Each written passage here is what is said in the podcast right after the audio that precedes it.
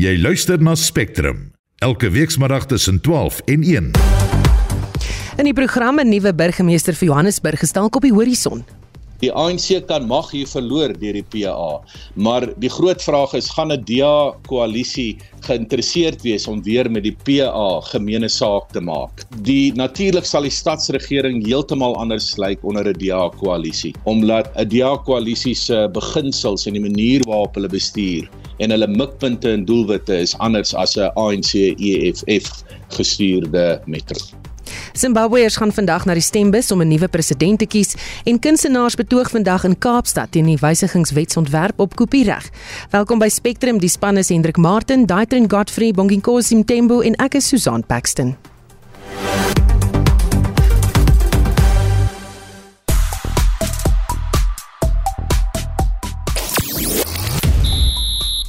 Die oud bok flank teen Stoffberg beswyk aan sy beserings na 'n grie-ongeluk. Intussen moes die voormalige veelsidige kriketspeler van Zimbabwe, Heath Streak, 'n WhatsApp-boodskap aan sy spanmaat stuur wat hom as dood verklaar het op sosiale media.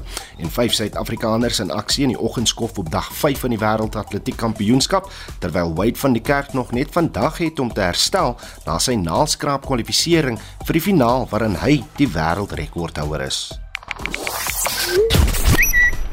Op Twitter, nou bekend as X, gons die hitsmerk Rip Legend na die dood van die ikoniese TV-aanbieder van Carte Blanche, Derek Watts.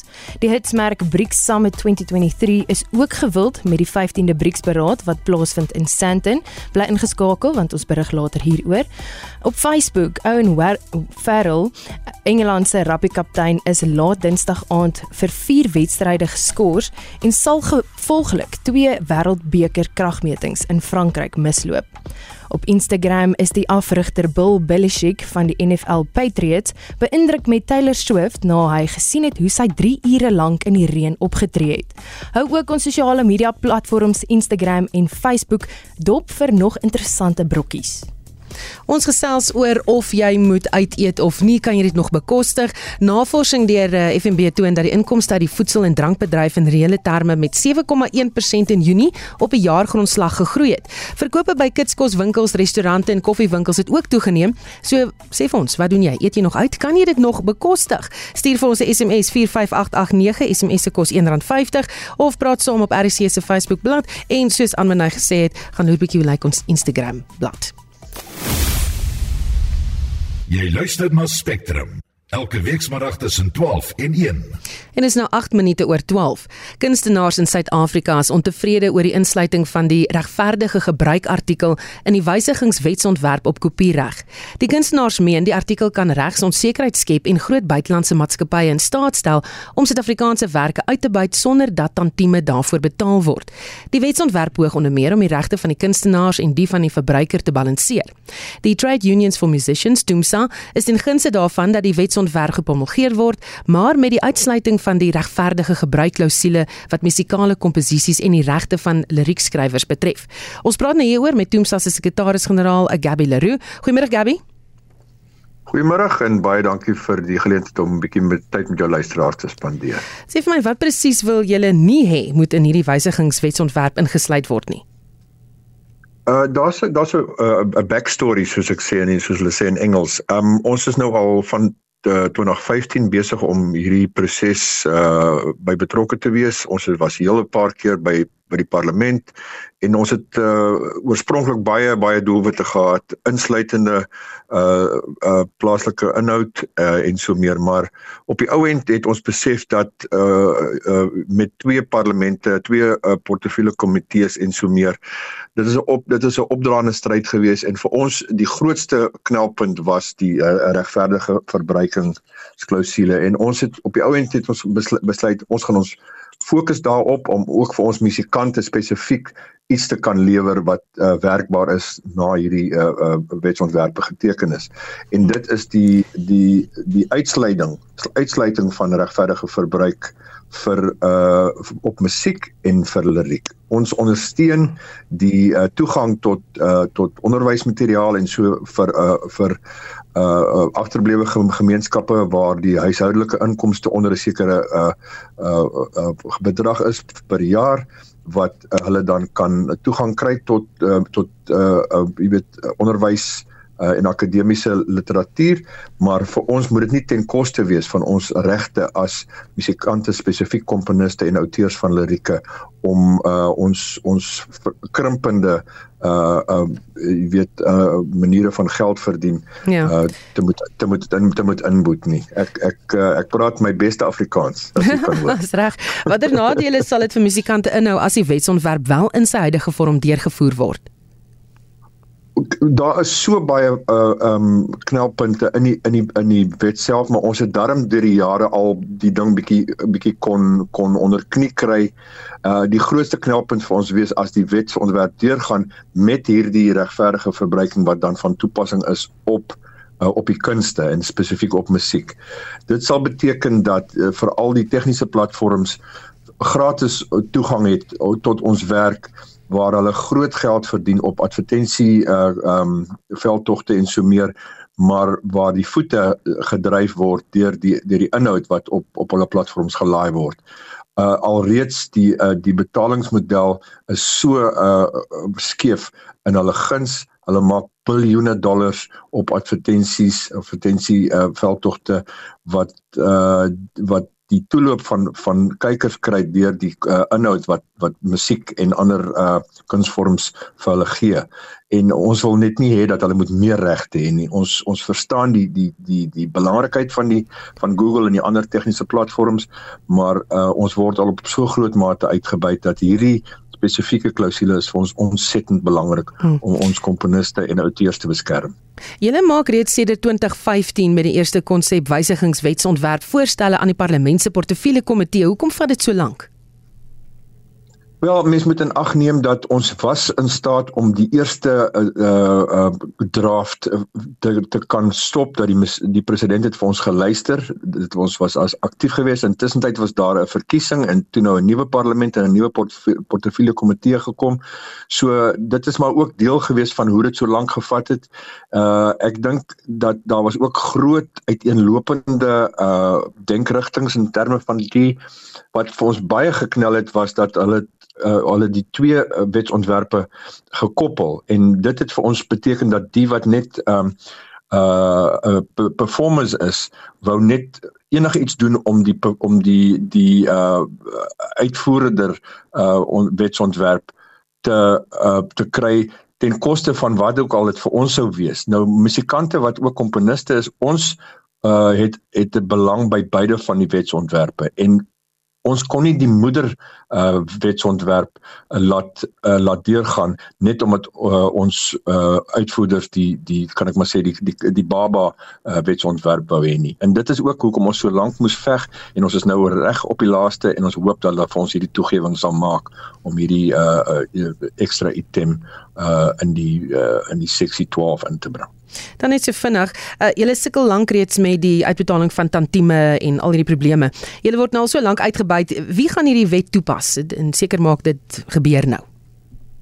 Wel die die wet lê by die Department of Trade and Industry. Uh, jammer ek ek gebruik so so Engels tussenin hoor. Ja, ja, ja. maar maar uh, hy lê by daar maar maar die die departement van kuns, sport en kultuur het ook belang daarbey. So dit is eintlik twee departemente wat wat dan nou die die, die uitvloeiende regulasies moet deurvoer en ons hoop dat in daai regulasies kan ons nog uh, 'n geleentheid kry om spesifiek soos byvoorbeeld net net 'n verwysing na plaaslike inhoud te hê. Ons ons vra nie vir die vir die kwotas nie, dit kan in die in die uitsaai wet kom, maar uh ons is definitief gedetermineer dat ons Afrikanisme en ons Suid-Afrikanisme moet begin ekonomiese impak hê waar ons nog regtig waar uh aan die die die onderspit delf in terme van ons vermoë om te verdien deur ons uh, verkose loopbane as kunstenaars. Baie dankie vir gepraat met die sekretaris-generaal van Tumsa Gabby Leroux. Johannesburg se burgemeester kan dalk binnekort weer sy pos kwyt wees. Dit nadat die veelparty koalisie onderhandelinge verlede week die Patriotiese Alliansie ook onder sy vaandel ingetrek het. 'n Politieke ontleder van Akademia, professor Pieter Dievenaar gesê, hierdie kan 'n goeie toetsloopie wees vir die veelparty koalisie. Die interessante is dat die PA is net soos die ANC maar veral soos die EFF eintlik nie geskik vir enige koalisiemaking nie. Ek dink die ANC kom nou agter wat die EFF is en die PA spesifiek. En die PA sit in 'n unieke posisie in Johannesburg Metro dat hulle die koning sogenaamde koningmaker kan wees. Hulle was dit toe die DA se koalisie geregeer het en hulle was nou die koningmaker toe die ehm um, ANC die EFF koalisie met hulle regeer het. En nou nou klaar blyklik het hierdie bedmaats mekaar onverkooklik begin vind en nou gaan die PA weer daar uit. Maar die groot vraag is net kan die PA 'n betroubare koalisie vernoot wees? Dit is dit is vir my die kern van die probleem in die Johannesburgse metro. Hierdie gaan nou weer die metro ontwrig, reg? Mm, korrek. Korrek want uh, die ANC het absoluut alles probeer. Deur die provinsiale regering ook van uh, Panayasi Lesufi en sy mense in die Johannesburgse metro het die ANC alles probeer om mag te behou in Johannesburg. En daardie mag vertaal gewoon in belange. Met ander woorde toegang tot die finansiële vloei van kapitaal in Johannesburg. Dit gaan nie oor die burgers van die stad nie. Dit gaan eenvoudig net om toegang tot die finansiële bronne van die stad te kry en dit dan na goeddinke en na eie belange te bestuur in verhouding met netwerke en syndikaate buite die stad. Dit is waarop die ANC gefokus is. As hulle nou die mag verloor en daarom was daar ook hierdie alliansie of die koalisie met die EFF wat op nasionale vlak afgekeur word, maar hier op provinsiale vlak in Gauteng is dit goedgekeur. So die kern van die saak is die ANC kan mag hier verloor deur die PA, maar die groot vraag is gaan 'n DA koalisie geïnteresseerd wees om weer met die PA gemeene saak te maak? Natuurlik sal die stadsregering heeltemal anders lyk onder 'n DA koalisie, omdat 'n DA koalisie se beginsels en die manier waarop hulle bestuur en hulle mikpunte en doelwitte is anders as 'n ANC EFF gestuurde metro. So dis nog interessante dae wat voorlê en 'n goeie proefloopie vir na die verkiesing. Dis 'n baie goeie proefloopie vir die verkiesing want hier kan mens nou sien wie is betroubare koalisievennote en wie nie. As mens kyk nasionaal wat verlede week gebeur het, die alliansie ooreenkoms sluit nie die PA in nie. Dit is vier partye wat redelik bekend is en drie wat minder bekend is en die vier wat bekend is is natuurlik die DA, Action South Africa, die Vryheidsfront Plus en Inkatha en dan 'n drie kleintjies, maar die PA is nie deel van daai alliansie nie. So die Johannesburgse metro kan 'n baie interessante gevalle studie wees uh vir wat moontlik kan gebeur nasionaal en ook provinsiaal in Gauteng in 2024. Maar weer eens wil ek beklemtoon dat die PA sowel as die EFF toon hulle self nie as goeie koalisievennote nie en uit die aard van die saak wil niemand ook 'n koalisie met die ANC aangaan nie want die party het 'n beeld van korrupsie en van onbevoegdheid en dit was 'n politieke ontleder van Akademia professor Pieter Dievenage.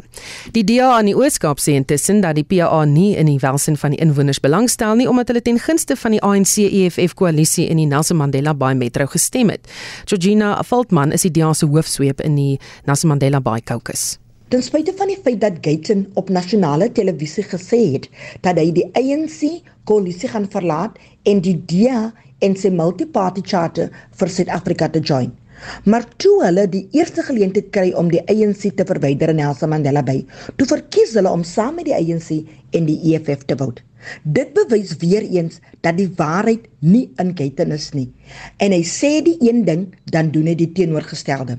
In gister se raadvergadering op 22ste Augustus het hulle geldige geleentheid gehad om die stad en sy inwoners eerste te sit om Gary van Niekerk uit te woud as die meier van Nelson Mandela Bay. Maar toe verkies hulle om hulle politieke base gelukkig te hou. As die DA in Nelson Mandela Bay gaan ons nie toelaat dat ons mense verder suffer as gevolg van die ANC, die EFF, die PA en die National Alliance koalisie om ons stad verder af te breek nie. Ons gaan beklei vir 'n beter toekoms vir ons mense in Nelson Mandela Bay en dit was Georgina Veldman van die DA in die Nelson Mandela Bay Metro. Die familie van die vermoorde vletjieblaser Babita Deokaran sê die vonnisoplegging van haar moordenaars gister in die Hooggeregshof in Johannesburg gee hulle nie afsluiting nie aangesien hulle steeds nie weet wie die opdrag gegee het om haar te vermoor nie. Die 6 mans wat reg staan vir die moord op Dio Karan het tronkstraf gekry wat wissel van 6 tot 22 jaar nadat hulle skuldig gepleit het. Dit kom presies 2 jaar na die sluipmoord op Dio Karan buite haar huis in die suide van Johannesburg. Dio Karan was 'n senior amptenaar van die Gautengse Gesondheidsdepartement en 'n sleutelgetuie in verskeie ondersoeke na beweringe van korrupsie tydens die COVID-19 pandemie. Pastoor Tony Haripsat is Dio Karan se swaar. No, it doesn't give us closure. It does give us some sense of satisfaction to know that those that uh, committed the crime are now uh, apprehended and paying for the commitment of the crime. But we will only get closure after the mastermind has been identified and that person who ordered the crime is brought to book, you know. Harry Parsoot is egter onseker of die saak ooit opgelos sal word. It is very difficult given the circumstances, but we are optimistic, you know, hopeful that our judicial system will come through and you know someone will come with information somewhere down the line and our the prosecuting authority will be able to act on that and apprehend the mastermind. We are just hopeful at this stage and we are praying for the best in this case as well. Hy sê sy moet as iemand wat vir die waarheid gestaan het, onthou word. Well, the family is ready to get to the crime scene and we're having a memorial service there. We remember her as a fighter, a legend who laid down her life for truth and someone who paid the ultimate price just for the sake of truth and exposing corruption. And we are absolutely proud of the fact that she stood, you know, she stood and she was not deterred even by threats and whatever it is. It is unfortunate that she had to pay the ultimate price by laying down her life, but we honor her memory. And this morning we also feel for all other whistleblowers that are going through the same experience and, uh, you know, that, that have so much of information that they want to share and bring corruption to an end. And our prayer is that there will be protection for whistleblowers. But in, in the case of our dear beloved Babita, we are very proud of uh, what she did by laying down her life for truth, for what she stood for. Dit was die swaar van Babita Diokaran, pastoor Tony Hariparsoet. Ek's aan myne Eckart vir SAK nuus. Die Zimbabwese president Emmerson Mnangagwa het vanoggend sy kruisie getrek in die 2023 algemene verkiesing. Hy het aan die media gesê hy glo sy party ZANU-PF gaan weer koning kraai en vra op nie dat vrede gehandhaaf word. Hoewel vreedsaam is daar min vertroue dat demokrasie werklik gaan seëvier. En vir meer oor die verkiesing praat ons nou met 'n politieke ontleder aan Unisa Pieter Labeskagh. Goeiemôre Pieter. Goeiemôre. Daar's heelwat klem op 'n vry en regverdige verkiesing. Is dit wat ons vandag gaan sien? Wel, kyk, dit hang af hoe mens daarna kyk. As mens kyk in terme van prosedure, prosedureel, is dit natuurlik vry en regverdig. Ek het ook gekyk op BBC, daar's die minimum intimidasie indien enige en dit is 'n massiewe operasie met meer as 12000 stemlokale en 150000 stembeamptes en meer as 6 miljoen mense wat geregistreer vir die verkiesing. So as mens op die oog af daarna kyk, natuurlik lyk dit vir jou vry en vry en regverdig, maar dit is net in terme van die van die prosedure wat gevolg word op die dag. Ek ek sien onder andere Zanu PF die die waarnemers daar is 'n 136 uh, buitelandse waarnemers gewaarsku dat hulle mag die verkiesing waarneem, maar hulle mag dit nie monitor nie. So daar's 'n graad verskil. So wat is die belangrikste elemente wat jy vandag gaan dophou? Wat die belangrike element is is om te kyk werklik waar soos die mense 75% het gevra vir verandering en al die onderhoude wat ek sien sê almal net ons ons wil verandering hê. Wel dit is presies waarvoor die voorganger van Shemasa se party die Coalition for uh, Citizens for Coalition Change uh, gestaan het. Ja, hulle voorganger was die MDC, the Movement for Democratic Change wat in 2008 gestig het en Wat belangrik is in hierdie verkiesing is dat vir die eerste keer is daar 'n baie groot groep jeugdiges. 43% van die stemgeregtigdes is jeugdiges en 78% van hulle het gaan aangedui dat hulle gaan stem. Maar die interessante ding is die ouer as 34, 57% van die stemgeregtigdes uh hulle het aangedui 91% dat hulle gaan stem. So as hierdie mense werklik gaan stem in die getalle wat hulle sê, en dit is moontlik want in die vorige verkiesing 2018 was die stempersentasie 80% geweest. Maar hierdie jeugdiges is in die stede en in die stede is Shemasa se se se, se kragbron. Dit is waar sy ondersteuningsbasis lê. So as hulle in groot getalle gaan stem, kan mens dalk verandering sien. Hmm. Maar soos in in Suid-Afrika en in die verlede in Zimbabwe Manangakwa en ZANU-PF se steun lê onder die plattelanders, onder die ouer mense op die platteland en hulle is 57% van die kieserskort. As hulle in groot getalle gaan stem, natuurlik gaan jy maar weer die status quo kry. Baie dankie, dit was Pieter Labeskagh, 'n politieke ontleder aan Unisa. Die jongste ronde geweld in die Wes-oewer in Israel het tot meer as 200 Palestynse en 30 Israeliese sterftes tot dusver vanjaar gelei. Dis al klaar meer as verlede jaar en die hoogste sedert 2005. Die Verenigde Nasies se spesiale koördineerder vir die Midde-Oosterse proses, Tor Wennesland, het aan die Veiligheidsraad in New York gesê dat Israelies en Palestynë daagliks gedood en beseer word en dat Israel se sloping van Palestynse geboue ernstige struikelblok op die pad na vrede is. Venesland sê in net die laaste 3 weke is 16 Palestynë wat vroue en kinders insluit deur Israeliese veiligheidsmagte gedood. Een van die Israeliese soldate is in die geweld gedood. Palestinians and Israelis are killed and injured in near daily violence, including just hours before this briefing, when another fatal shooting attack killed an Israeli in the West Bank. This violence is fueled and exacerbated by a growing sense of despair about the future. While the parties taken some actions towards stabilizing the situation on the ground, unilateral steps, including settlement growth and demolitions, continue, as do Israeli operations in Area C, Palestinian militant activity, and settler violence. The lack of progress towards a political horizon that addresses the core issues driving the conflict has left a dangerous and volatile vacuum filled by extremists on both sides. Venesland wil sien dat die skuldiges aan albei kante tot verantwoording geroep word. Hy sê geweld teen burgerlikes wat dade van terreur insluit, is onaanvaarbaar en almal moet dit veroordeel. Hy pleit dat die veiligheidsmagte die maksimum selfbeheersing toepas. Israeli authorities demolished, seized, and forced owners to demolish 58 Palestinian owned structures in Area C and six in East Jerusalem, displacing 28 Palestinians, including 14 children. The demolitions were carried out due to the lack of Israeli issued building permits, which are nearly impossible for the Palestinians to obtain. On 17 August, a Palestinian elementary school in Ain Shamia, serving nearly 80 pupils, were demolished days before the start of the school year, the third such demolition in the past year. I call on Israeli authorities to end demolition of Palestinian owned property and the displacement and eviction of Palestinians and to approve additional plans that would enable Palestinians to be legally and address their development needs. Verskeie lede van die Veiligheidsraad het die gebrek aan beweging na 'n twee-staat-oplossing betreur. China wil hê die Palestynse kwessie moet groter aandag in die internasionale arena geniet terwyl Frankryk spertye vir vordering wil sien. Venesland waarsku dat die afdraande spiraal van geweld te lank aangehou het. While we must urgently focus on addressing most critical issues and on de-escalation the situation on the ground, we cannot ignore the need to restore a political horizon.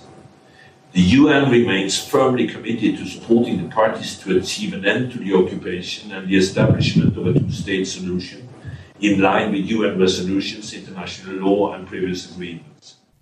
Die raad het ook gehoor dat die VN se hulpagentskap vir Palestynë, UNRWA, dringend 35 miljoen dollar nodig het om kos aan sowat 1,2 miljoen Palestynë in Gaza te verskaf. Die Wêreldvoedselprogram het 41 miljoen dollar nodig om hulle bedrywighede in die besette gebiede te hervat. Hierdie verslag is saamgestel deur Sherwin Bryce Pease. Alle oë is vandag op Indië wat poog om sy Chandrayaan-3 maanlandingstuig op die suidpool van die maan te land. Rusland se Luna 25 wat die naweek daar wou land het neergestort en Indië se vorige poging in 2019 was ook onsuksesvol. Indien vandag se poging suksesvol is, sal Indië die eerste land wees wat op die maan se betreklike onverkende suidpool kan land. Ons praat nou hieroor met 'n buitengewone professor aan Noordwes Universiteit se sentrum vir ruimtenavorsing, Pieter Kotse. Goeiemôre Pieter. Goeiemôre Susan. Een van die hoofdoelwitte van Indië se maansending is om na te spoor of daar watergebaseerde ys aan die deel van die maan is. Hoekom is dit so belangrik? kyk water is natuurlik 'n baie belangrike bestanddeel vir ingeval 'n ruimteagentskap byvoorbeeld sou dit doen wat doen ek vind om uh, amper sê 'n permanente bemande stasie op die maan te vestig. Nie net nodig vir die gebruik van water nie, maar ook om vuurpylbrandstof byvoorbeeld te vervaardig. So die vermoede bestaan en daar is al voorheen vasgestel uit ruimtesendings rondom die maan dat daar spore van bevrore water in die kraters by die suidpool van die maan uh, wel bestaan. So die Indiese sending Chandrayaan-3 wil nou net gaan om dit te gaan bevestig en dan sal dit natuurlik van deurslaggewende belang wees vir verdere opvolgsendings. Hmm. Hoe sal dit gedoen word? Kyk op hierdie stadium ek dink die Chandrayaan is geskeduleer om binne vol die volgende 2 ure op die maan te land, maar dit kan ook gebeur dat dit uitgestel word na die 27 Augustus. Hulle het aan boord van die uh, Vikram landingstuig het hulle ook 'n robot verkenningstuig wat ontplooi gaan word met 'n uh, val uh, uh, op 'n pad wat afgebring gaan word en dan gaan hierdie verkenningstuig vir die volgende 14 dae op die maan rond beweeg in die suidpoolgebied. Hierdie tuig is toegerus met 'n hele verskeidenheid van instrumente vir diagnostiese doeleindes om natuurlik die uh, grondmonsters en alles te analiseer wat dit vind en sodoende sal daar dan onomwonde bewyse ingewin kan word om te bevestig of dit die uh, hoeveelheid water wat teenwoordig is uh, in 'n bevrore vorm genoegsaam sal wees om vir verdere bemande of uh, uh, stasies uh, voldoende sal wees. Die Chandrayaan-3 het reeds op 14 Julie gelanseer. Sou dit 'n probleem gewees het as Rusland se Luna 25 wel suksesvol geland het en die twee maanlandingstye op dieselfde tyd daar was? Ek glo dis so nie. Die uh, Chandrayaan is vir die afgelope paar dae of 'n geruime tyd reeds besig om 'n geskikte landingsposisie uit te vind. So heel waarskynlik sal dit glad nie uh, amper sê oorvleuel het met die Russiese landings uh, nie. So normaalweg land die twee uh, ruimtetuie gewoonlik nie op bo mekaar of by mekaar of 'n paar meter van mekaar maar gewoonlik so 'n paar kilometer van mekaar af om sodoende uh, mekaar die uh, amper sê te verander om hulle normale uh, prosedures en werksamehede uit te voer nie. Baie dankie het gepraat met 'n buitengewone professor aan Noordwes Universiteit se sentrum vir ruimtenavorsing Pieter Kotse. Nou ons vra vandag vir jou of kies jy wegneem etes of maak jy self kos en op Facebook sê Jana Balak Alberts by die huis dan weet ek dis gesonde vars bestanddele wat gebruik is en ek weet hoe met die kos gewerk is. En Hantie Bedford sê ek stem saam met jou. Uh Elsa van Staden Jouberg sê ek hou van uit eet maar nie sommer wegneem etes nie. En Sherif Viljoen sê ek spel, bestel my kos van 'n chef wat maaltye aflewer is R40 per dag en dit kan nie my elektrisiteit en moeite klop nie. Naweke koop ek wegneem etes by een van die supermarkte wat heerlike kos maak teen spot goedkoop. Edna Kokemoer sê liefs huiskos is baie gesonder en Frida Rapper sê ek grill vir wegneem etes, wil weet wat is in my kos, maak self kos en geniet dit terdee. Jy kan steeds saamgesels op ons Facebookblad of 'n SMS stuur.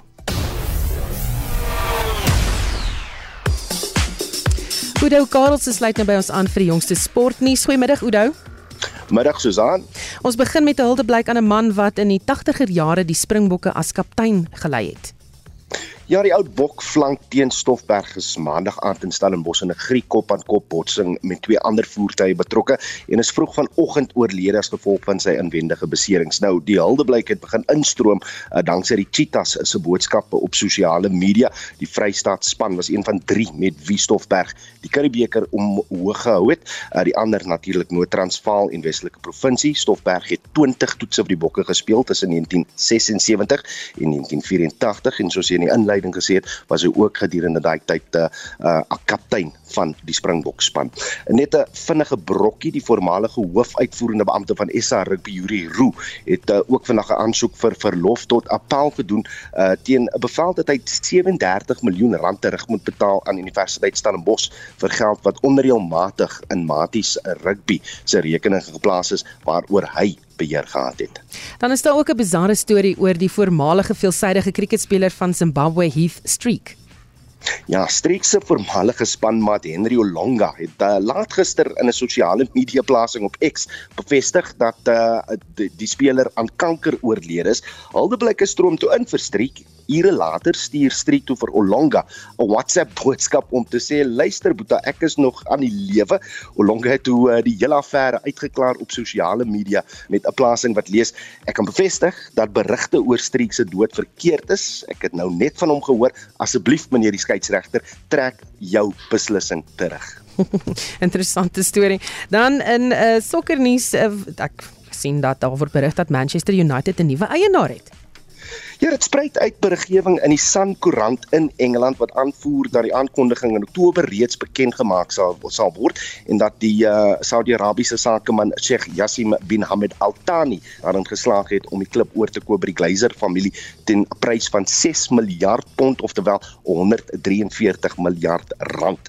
Op tuisbodem kan Mamelodi Sundowns vanaand die losvoorlopers word in die DStv Premier Liga. Hulle sit tans op 5 punte bo SuperSport United of liewer 5 punte punte bo SuperSport United op 12 punte en speel vanaand 5 uur weg van die huis af teen Nuwelinge Richards Bay. Cape Town City kan opskuif tweede plek toe as hulle op tuisbodem die boottoon kan voer teen Sekhukhune United. En ons sluit af met atletiek nuus want dit is dag 5 van die wêreldkampioenskap en die oggendskof skuif nou einde se kant toe. Ja, die dames 800 meter is ons nasionale kampioene Prudence Godiso deur na die semifinaal met die 9de vinnigste tyd in die uitdinne.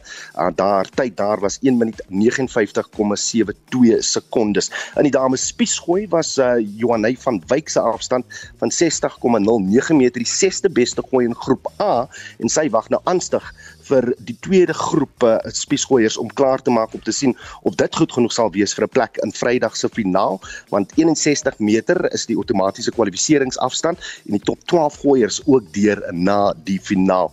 In die mans 200 meter hy staan aan die gang uh Lucolo Adams derde geëindig in sy eerste uitdinne. Hy kwalifiseer dus vir die semifinaal. Ek sien die vierde uitdinne het nou sopas klaar gemaak waar Shaun Maswanganye in uh die binnebaan gehardloop het. Ek probeer net dit uitvind presies wat die uitslag daar was, maar dit lyk asof hy uh, ja aan derde plek geëindig het met 'n tyd van 20,56 uh sekondes. So hy kwalifiseer ook vir die uh, semifinaal en dan is Sinisipo Dambile in die 6ste uit dan te sien wat uh, binne die volgende 10 minute sal plaasvind. Baie dankie dit was Udo Karlse met die sportnuus. Spectrum, jou middagnuusprogram op RSG so bykans 20 voor 1. China gaan 670 miljoen rand beskikbaar stel om Suid-Afrika se energiekrisis te verlig. Die aankondiging is gemaak kort nadat die Chinese president Xi Jinping se staatsbesoek afgehandel is.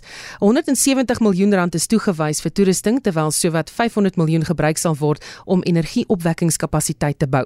Ons praat nou met Dr. Rolof Botha, ekonomiese raadgewer vir die Optimum Beleggingsgroepie oor. Goeiemiddag Rolof.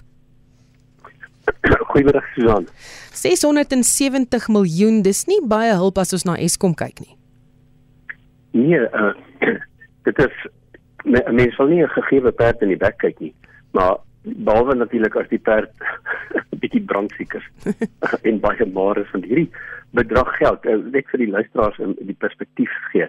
Dit verteenwoordig minder as 0,2% van Eskom se skuld en dit is min of meer gelykstaande aan een dag uit 365 dae van die jaar se omset wat Eskom genereer. So ek moet nou eerlik wees, dit is eintlik half belediging. Dit is soos wanneer jy vir iemand 'n persent wil koop, maar jy hou nie eintlik van daai mense nie. Ehm uh, jy voel so verplig daarvoor, daaroor en dan en, en dan koop jy vir hulle 'n 'n minderwaardige persentjie. Jy weet met ander woorde so 'n nou-nou en dran in plaas van nou 'n ordentlike sjokolade byvoorbeeld. So as as ek ek weet nie, dit is uh, vir my half belaglik en baie arrogant volgens my van die Chinese, maar dit verwag mens van hulle.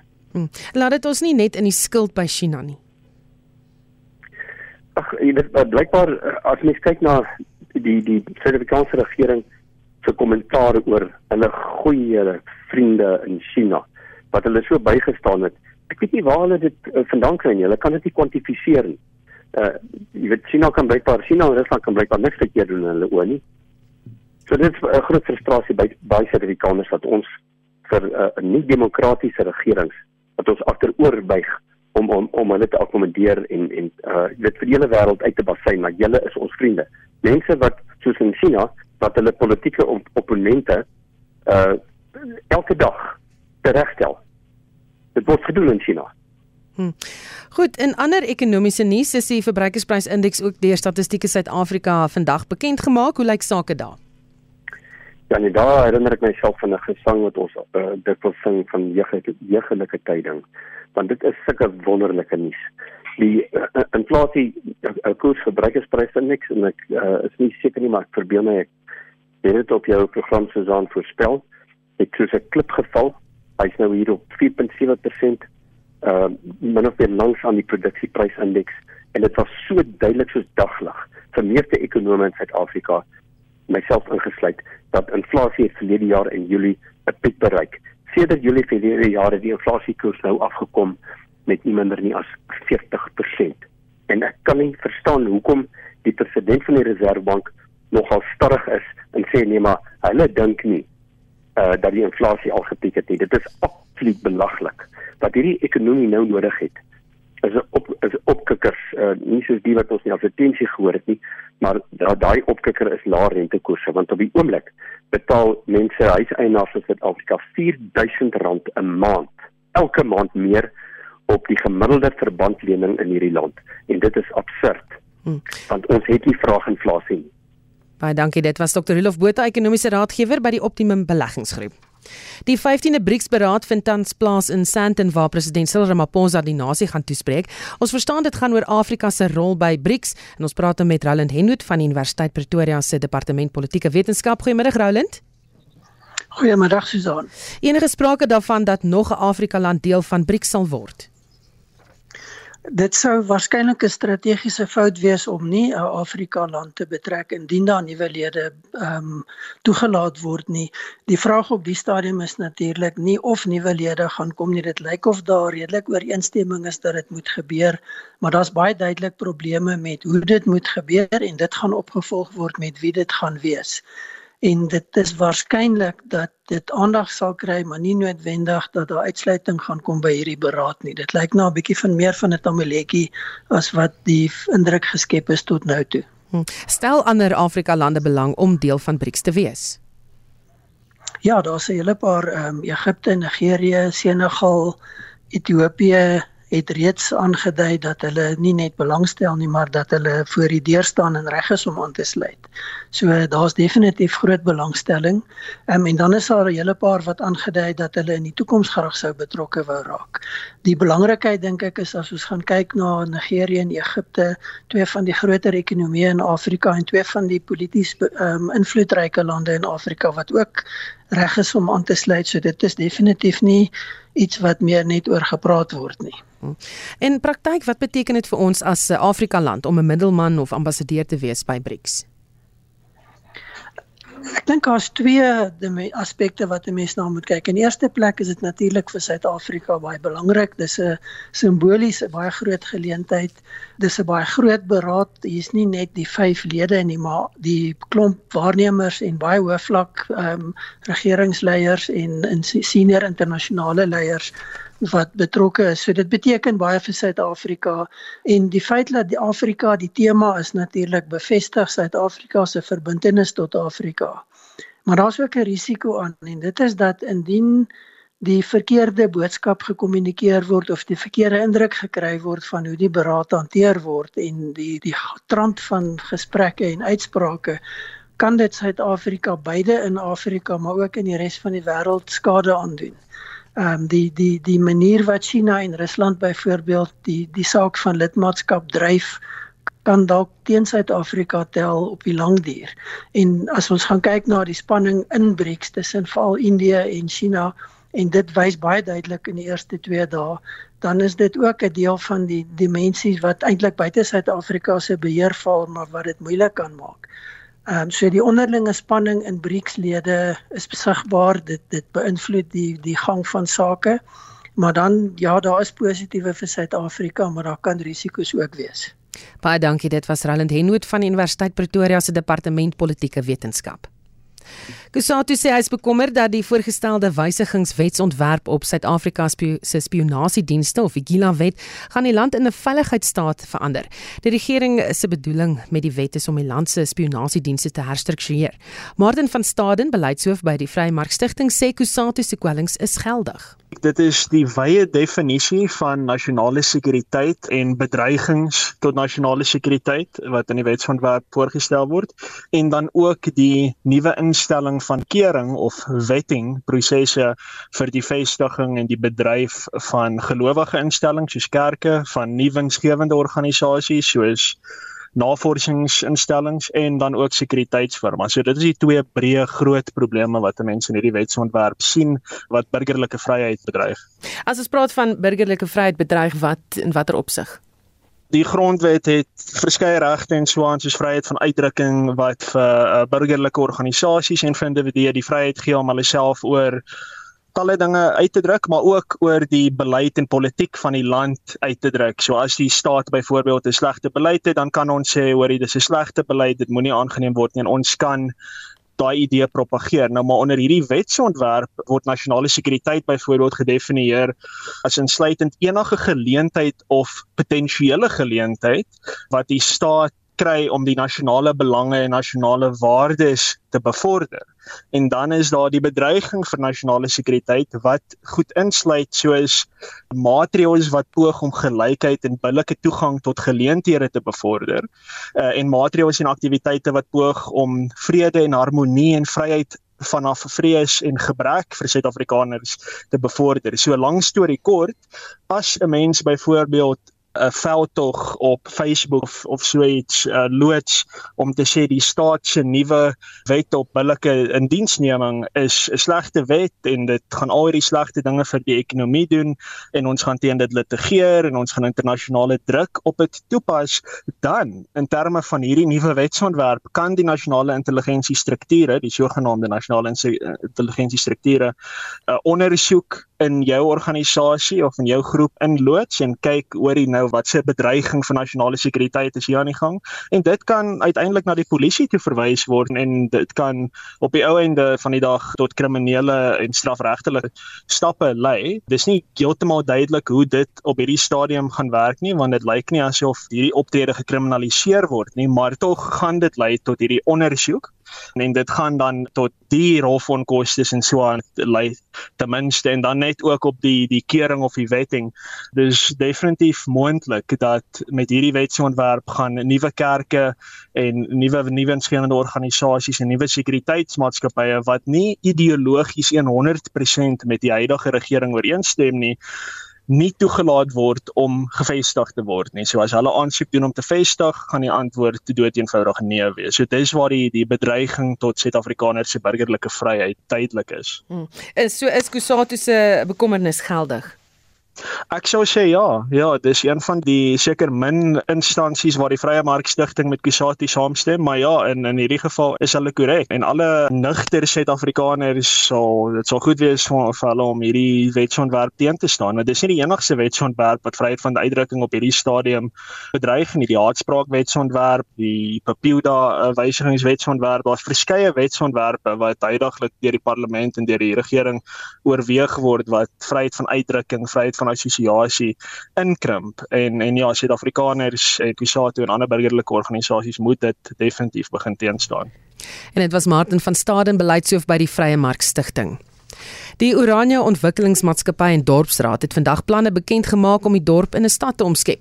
Die planne is vandag in Pretoria bekend gemaak en ons praat nou met Gawie Snyman, voorsitter van die Dorpsraad. Goeiemôre Gawie. Goeiemôre Susan. So wat presies is julle planne? Susan, uh, ons planne is 'n bietjie om die vet te trap om Oranje van dorp na stad te, te ontwikkel. Ons het so 'n bietjie 'n paar projekte wat opgelyn is uh, wat ons regtig uh, groot wil wil verder druk. Die een daarvan is 500 uh, erwe pipeline projekte wat in ontwikkeling is wat ons beplan. Ons het ook 'n hele stadsontwerp vandag bekend gestel hoe ons Oranje gaan vat na 'n stad van 10000 hoe ons Orania ook gaan verseker dat dit 'n leefbare stad is waar mense geborge kan voel en nie geïsoleerd voel van mekaar nie. Hoe ons uh, die natuur uh gaan inkorporeer daar waar natuur en kultuur mekaar kan aanvul en dan het ons ook so bietjie gekyk op hoe kan ons in die langer termyn het ons so bietjie uh koppe bymekaar gesit en 'n plan aangekondig oor hoe gaan ons wanneer Oranje stad is ook kyk na streekstrategie wat dan ook kan Hoe is jy nog daar? Wat sê jy? Ja, nou, laaste stukkie verloor jou lyn het so effe weggebreek, maar sê vir ons, wat is julle ontwikkelingsdoelwitte? Het julle by ander stede geleer wat om te doen en nie te doen nie? Ja, ons het uh, kers opgesteek by uh, verskillende kenners. Ons het uh, ontwikkelingsekonome betrek soos Urban Econ. Ons het uh, akademici betrek rondom ontwikkelingsdoelwitte. Ons is nou reeds weer besig met die daarstel van 'n ekonomiese ontwikkelingsplan om oor die volgende 5 jaar uh, te sien wat ons als kan doen om as magsvermenigvuldigers op te tree en dan het ons by die dorpsraad ook gereeld besoeke aan ander uh, munisipaliteite om te kyk watter stelsels altyd die ehm um, wil oor hoef te ontwerp nie maar ons het redelike kundiges spankundige stadsontwerpers van New Urban betrek en uh, soos ek sê ons is reeds in proses vir 'n volgende ekonomiese ontwikkelingsplan Baie dankie, dit was Gawie Snyman, voorsitter van die dorpsraad. Die eThekwini belastingprotesbeweging sê hulle besluit om tydelik die betaling van hulle munisipale rekenings te staak is 'n poging om die metro te herbou. Die leier van die beweging, Asad Kawar, sê hulle het 'n geskil met die munisipaliteit verklaar oor die beweerde gebrek aan openbare oorlegpleging oor die 2023-2024 begroting. Dries Liebenberg berig. 'n Gesin van Meerbank in die suide van Durban en hulle huurders moes noodgedwonge ander tydelike blyplek soek omdat rou riool hulle erf na al 2 weke lank oorstroom. Butch Subaram en sy gesin het aanvanklik 'n paadjie deur die riool probeer maak met planke en bakstene. This is not the first time it's happened. It's about the third time it's happened in this year. And every time we have uh, heavy rains, we have this problem. It messes the whole yard. The outbuilding gets blocked for. There's, there's two kids in that outbuilding that's staying there. And uh, they can't even get into their house. They've got to put planks and try and climb up into the door, get into the house. We worry about the health of the dogs as well. You can't expect them to go there and then they, they start drinking this water. And uh, this thing is coming out of this manhole. It's uh, like a river. It's even going through the precast wall onto the main road. When you get off the freeway, the whole main road is messed. It's all coming from our yard. Kafar sê die Subarams is nie die enigste mense met die probleem nie. Hy sê daar is ander gesinne in verskeie dele van die metro wat met soortgelyke probleme sukkel. Hy verduidelik dat die Westville Belastingbetalersvereniging einde Junie besluit het om op te hou kla en eerder 'n dispuut met die munisipaliteit te verklaar in 'n poging om 'n oplossing te vind. Every time you engage with the city, if there's a water issue or there's a sewer issue, their response is, oh, we've inherited aged infrastructure. So we agree with that. We don't dispute that. But I mean, for how long are you just going to say, well, we've inherited this without taking any positive steps or any decisive steps to address the issue? And by doing what we're doing, we are now seeing a change from the municipality in that they're starting to talk about the infrastructure and the need to have it sorted out. But prior to this, there was no discussions on the table. Kafar sê mense van reg oor die metro neem aan die boikot deel en deponeer hulle eiendomsbelasting en dienstegeld in 'n trustrekening eerder as om die munisipaliteit te betaal. Tot dusver het die munisipaliteit twee vergaderings met hulle gehou. Kafar sê hoewel sekere toegewings gemaak is, het die munisipaliteit inwoners by albei geleenthede gedreig dat hulle dienste opgeskort gaan word. We're not burning tires, we're not uh, destroying buildings, we're simply withholding our funds because what we believe, and we honestly believe, it is our constitutional obligation, not just a right, It's our constitutional obligation now, not just for us that are in the protest, but I think for everyone across the country to protect the income stream that needs to go to state. It can't be that we are paying the state and the state is abusing the money. Die eThekwini munisipaliteit sê hulle sal Vrydag op 'n media konferensie reageer. Ek is Dries Liebenberg in Durban. Goed, ons het gevra of jy sal gaan uiteend en kan jy dit nog bekostig? Luisteraar wat sê, hoe belaglik is dit om tot R35 vir een koppie cappuccino te vra? Ons gaan nie meer dit ondersteun nie behalwe by 'n bekende kettingwinkel waar dit nou slegs R20 kos. Interessante boodskappe wat ingekom het. Jy kan steeds saamgesels op die Facebook-blad. Ons groet, dit was Spectrum. Ons uitvoerende regisseur is Nicoline de Wee, ons redakteur vandag Hendrik Martin. Ons produksieregisseurs was Daitron Godfrey en Bonginkosi Mtembu. My naam is Susan Paxton. Geniet jou middag.